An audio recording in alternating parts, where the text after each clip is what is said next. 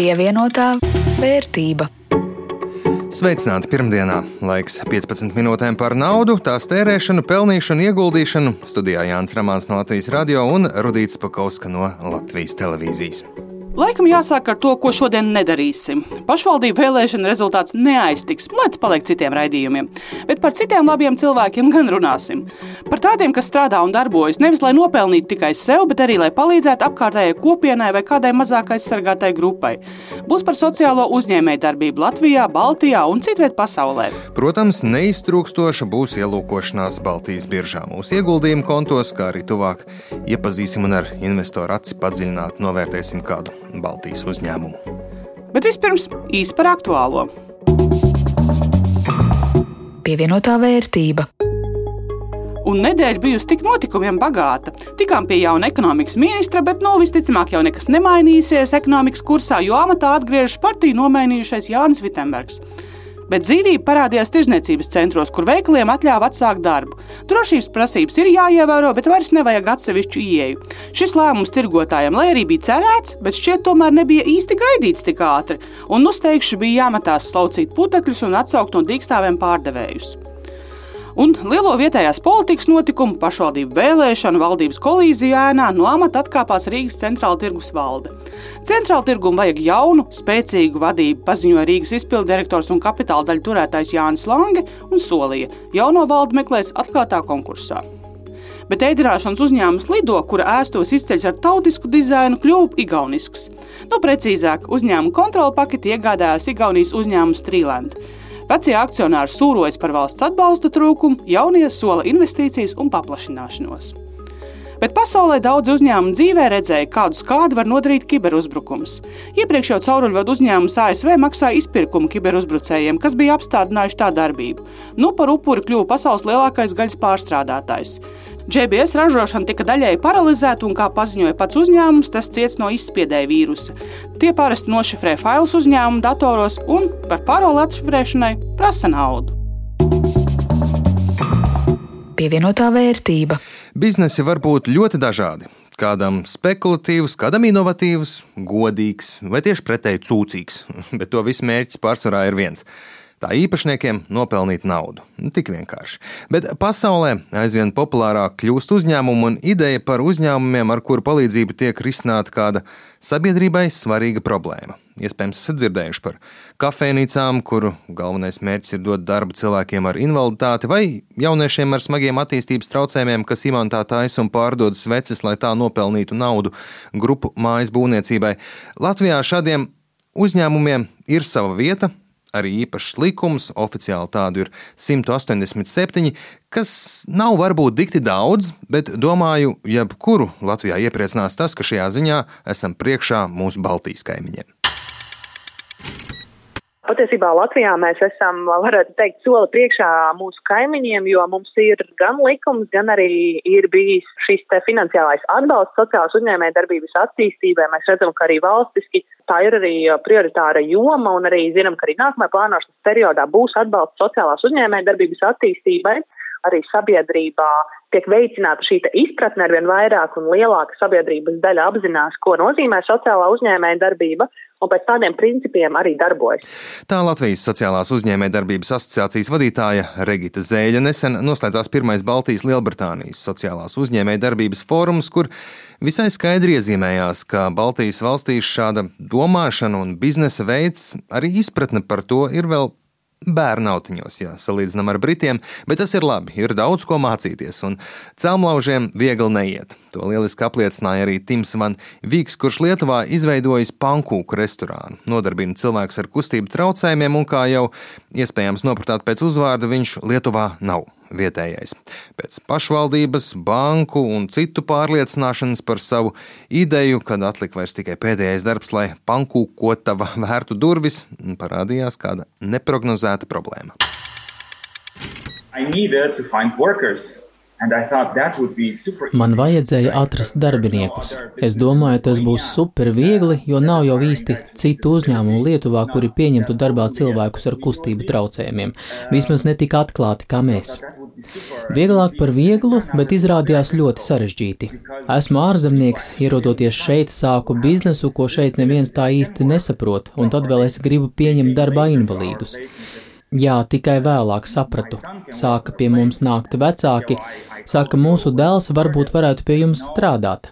Bet es taču jums zvanīju, tad, kad sākām, un jūs teicāt kategoriski nē.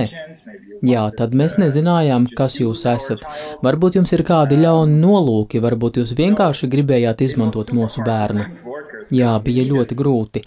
Sākumā no pieciem darbiniekiem atradu tikai vienu.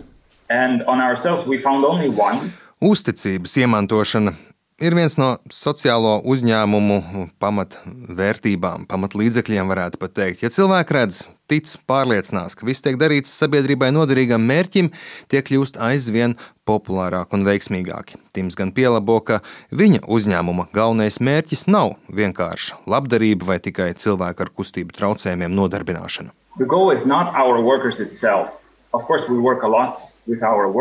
Darbinieki nav uzņēmuma pašmērķis. Protams, mēs ar viņiem daudz strādājam, apmācām, maksājam algu, viņi var paši sev nopirkt drēbes, viņu vecāki var strādāt. Jo viņu bērnam tagad ir darbs, līdz ar to ne tikai tētis var strādāt un mamma paliek ar bērnu mājās, bet tagad gan tētis, gan mamma, gan dēls strādā. Līdz ar to ģimenei kopā ir lielāki ienākumi bet patiesībā svarīgākais mērķis ir piesaistīt sabiedrību, lai viņi atnāk, pāēd un redz to, ka šie cilvēki mūsējie var izdarīt savu darbu un izdarīt to ļoti labi. Un tas, ko mēs vienmēr cenšamies darīt, jo redzam sevi kā biznesu, nevis nevalstisku organizāciju, visur, kur mēs ejam, mēs piedāvājam savu produktu. Piemēram, Viļņas pašvaldība atnāca pie mums, prasa, kā varam palīdzēt jums. Mēs sakām, mēs negribam jūsu palīdzību, mēs gribam pārdot savu produktu. Mēs pārdevām viņiem kuponu Ziemassvētku dāvanām, ko izdalīt darbiniekiem.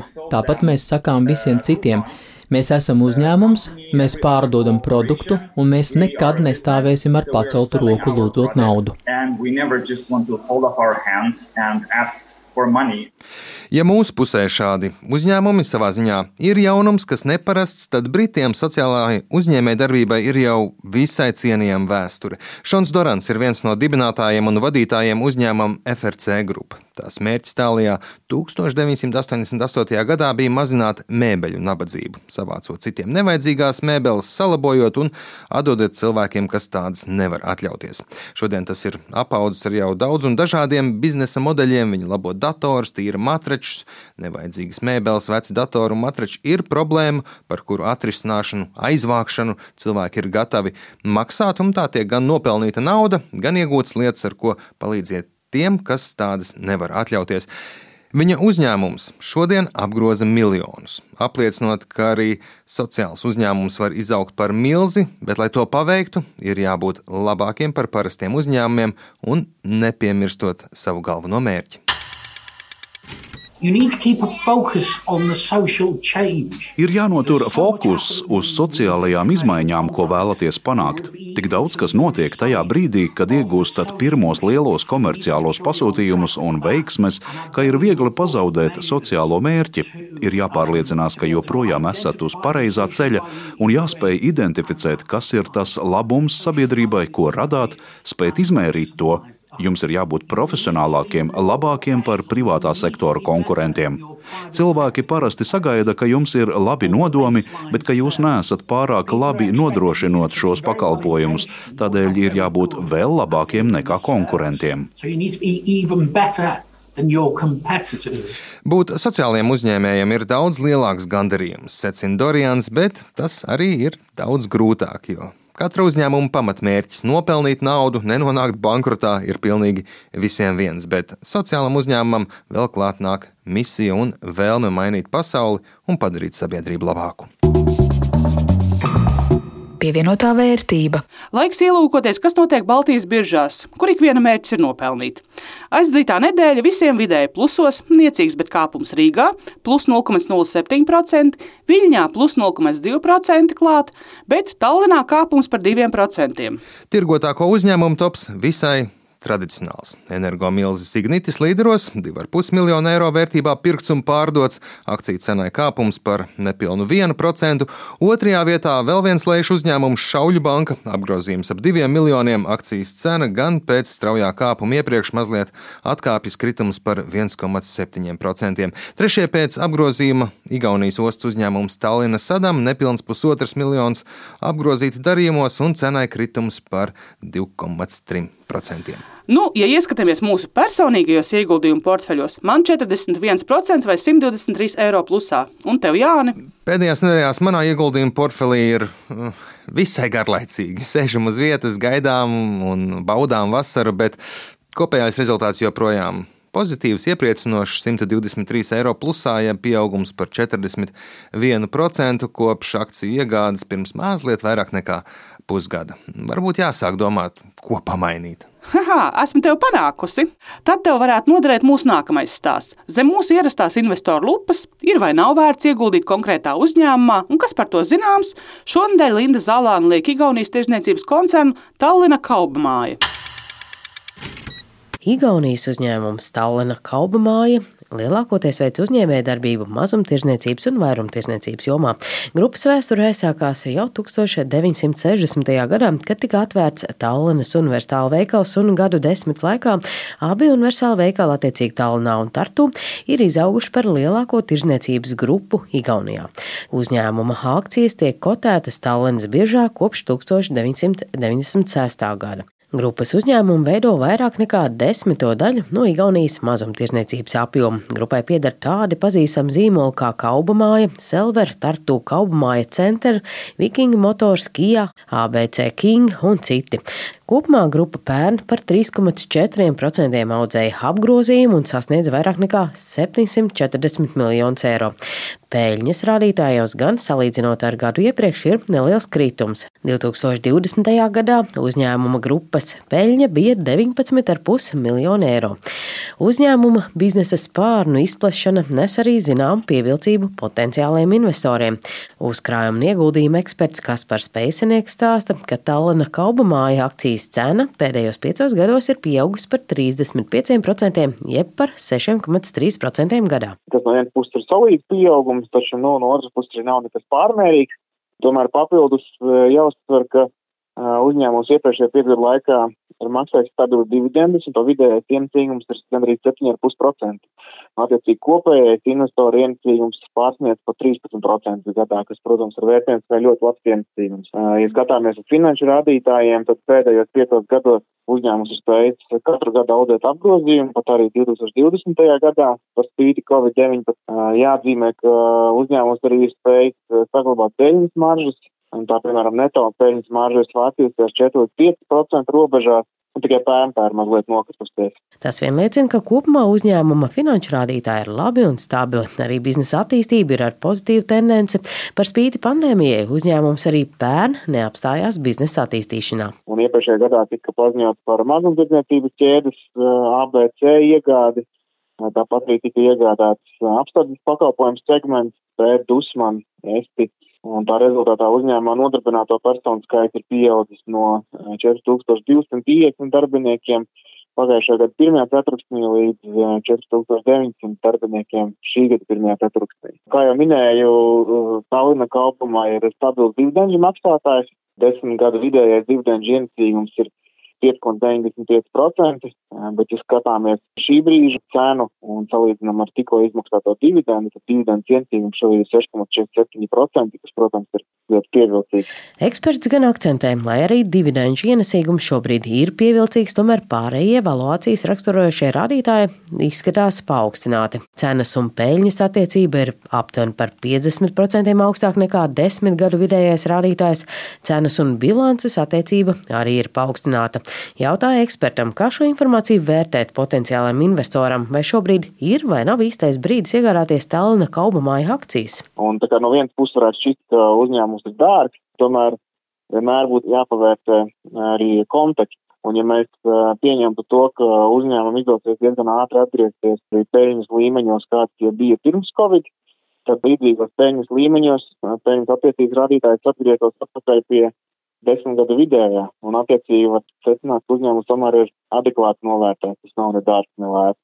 Un uh, kopumā Tallina kaupmāja akcijas, man liekas, pievilcīgs ieguldīšanai. Uzņēmumam ir labi un stabili finanšu rādītāji, tā valuāta ir adekvāta, uzņēmums ir stabils dividendžu maksātājs, un tāpat par labu ieguldīšanai šajā uzņēmumā nāk tā darbības joma un arī plašā darbības virziena diversifikācija. Un darbības joma par labu nāk tieši tāpēc, ka arī tādos krīzes brīžos tieši mazumtirdzniecība un tirdzniecības ķēdes, ne tīpaši, kas ir pārtika, tas salīdzinoši tieši vismazāk. Eksperts teica, ka šī uzņēmuma akcijas der mierīgam, konservatīvam, vidēji ilgtermiņa ieguldītājam.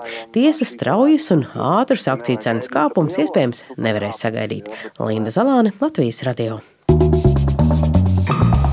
pievienotā vērtība. Ar to arī ir galā šīs dienas pievienotā vērtība. To jums gatavoja Jānis Ramāns no Latvijas radio un Rudīts Pakovs no Latvijas televīzijas par labskaņu rūpējās Kaspars Groskops. Šo un citas pievienotās vērtības epizodes varat noklausīties arī Latvijas radio mājaslapā un populārākajās raidierakstu vietnēs. Uz tikšanos pēc nedēļas!